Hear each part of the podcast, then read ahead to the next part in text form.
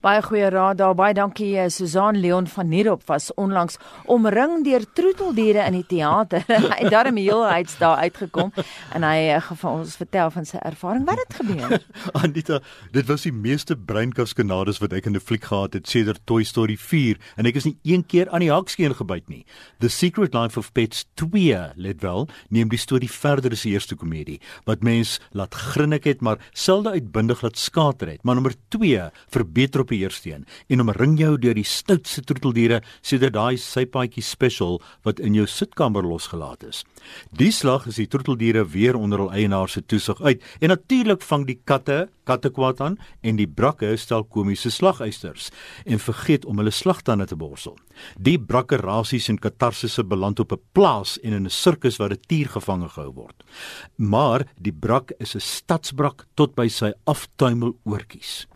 Hy ken mos nie kalkoene, beeste en skape nie, maar wanneer hy op 'n plaas losgelaat word, draai sy lewe holderste bolder dat hy soos vla in 'n tuimeldroër rondspoel.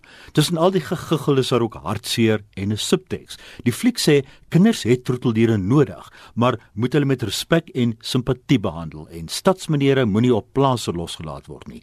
Nou dieselfde wat ek 'n kliseë gebruik, maar in hierdie geval gebruik ek hom dus ideale gesinsvermaak. The Secret Life of Pets 2 8/10. En dan is daar ook 'n riller Annabel. Hoekom klink haar naam so bekend vir my? Anita, ek weet jy hou van rillers, maar ek twyfel of jy nog met Annabel wil pop speel. Sy sal jou die bibberasies gee. Annabel is die wêreld se booste pop sedert Chucky nee. en Child's Play. Sy het al 3 keer in gruwelfilms haar oogies geknip, soos in The Conjuring 1, 2 en 3. En asof dit nie genoeg was nie, bloos haar wangetjies wat so opgeblaas is soos ballonne op 'n kinderpartytjie en oë wat soos 'n verkeersbeampte se spoedkamera blink.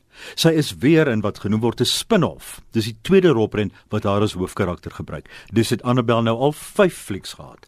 Annabelle Comes Home is die jongste gruwel.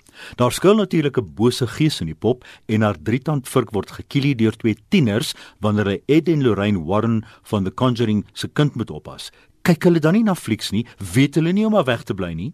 Annabelle Comes Home is nogal skrikwekkend. Die fliek begin stil. Dis die riller van onderspeelde stiltes waarin die regisseur jou terg, jou verbeelding sit op loop en tower spooke op. Maar dis eers later dat die riller oomblikke werklik resoneer. Die pop Annabelle word in 'n kas toegesluit, maar natuurlik laat iemand haar vry. Sy raak nie lewendig nie, maar veroorsaak spookontploffings wat deur die teater ruk. Jy sal gril vir goeder soos tikmasjiene, muntstukke en klaviere. Doodgewone voorwerpe kry spesiale betekenis. Annabelle Comes Home word ook in IMAX vertoon. Stel jou haar voor 4 verdiepings hoog en dit sal jou senuwees laat ratel. 'n Geslagte thriller vir mense bo 16, 17. Ek moet goue regstelling maak. Ek hou nie van horrors nie. Ek hou hmm. van thrillers. Nou wat? So in Afrikaans, ja, Hitchcock. Nou Hitchcock. praat jy, maar ja. wat is die verskil in Afrikaans tussen 'n thriller en 'n thriller? Uh, en 'n horror is dan wat? 'n Gruwel, onthou 'n gruwel. Ek hou nie van gruwel. Ja, 'n gruwel is iets van na ja, monsters is ja, wat nee, iemand nee, nee. agter 'n kas uitspin nee, en vir sê. Nee, ou Agatha Christie, daai soort nee, van Nee, dis 'n dis 'n misdaad thriller. Nou ja. En dan 'n plaaslike fliek begin vandag, The Kings of Mulberry Street. Ai, Anita, ongelukkig werk The Kings of Mulberry Street nie vir my nie. Dit gaan oor twee seuns wat vriende maak in 'n woonbuurt wat getuister word deur aanpokkers. Ten spyte daarvan werk hulle vriendskap voorlopig.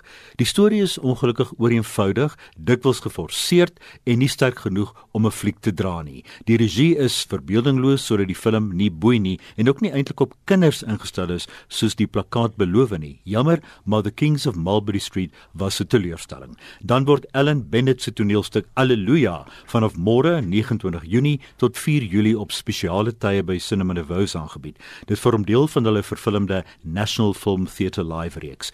Lees die resensies op ons webwerf erisgep.co.za, klik op flip fliek rubriek en na baie navrae is die resensies ook nou op pot gooi. Gaan na monitor en soek na fliek rubriek dan klik jy daarop.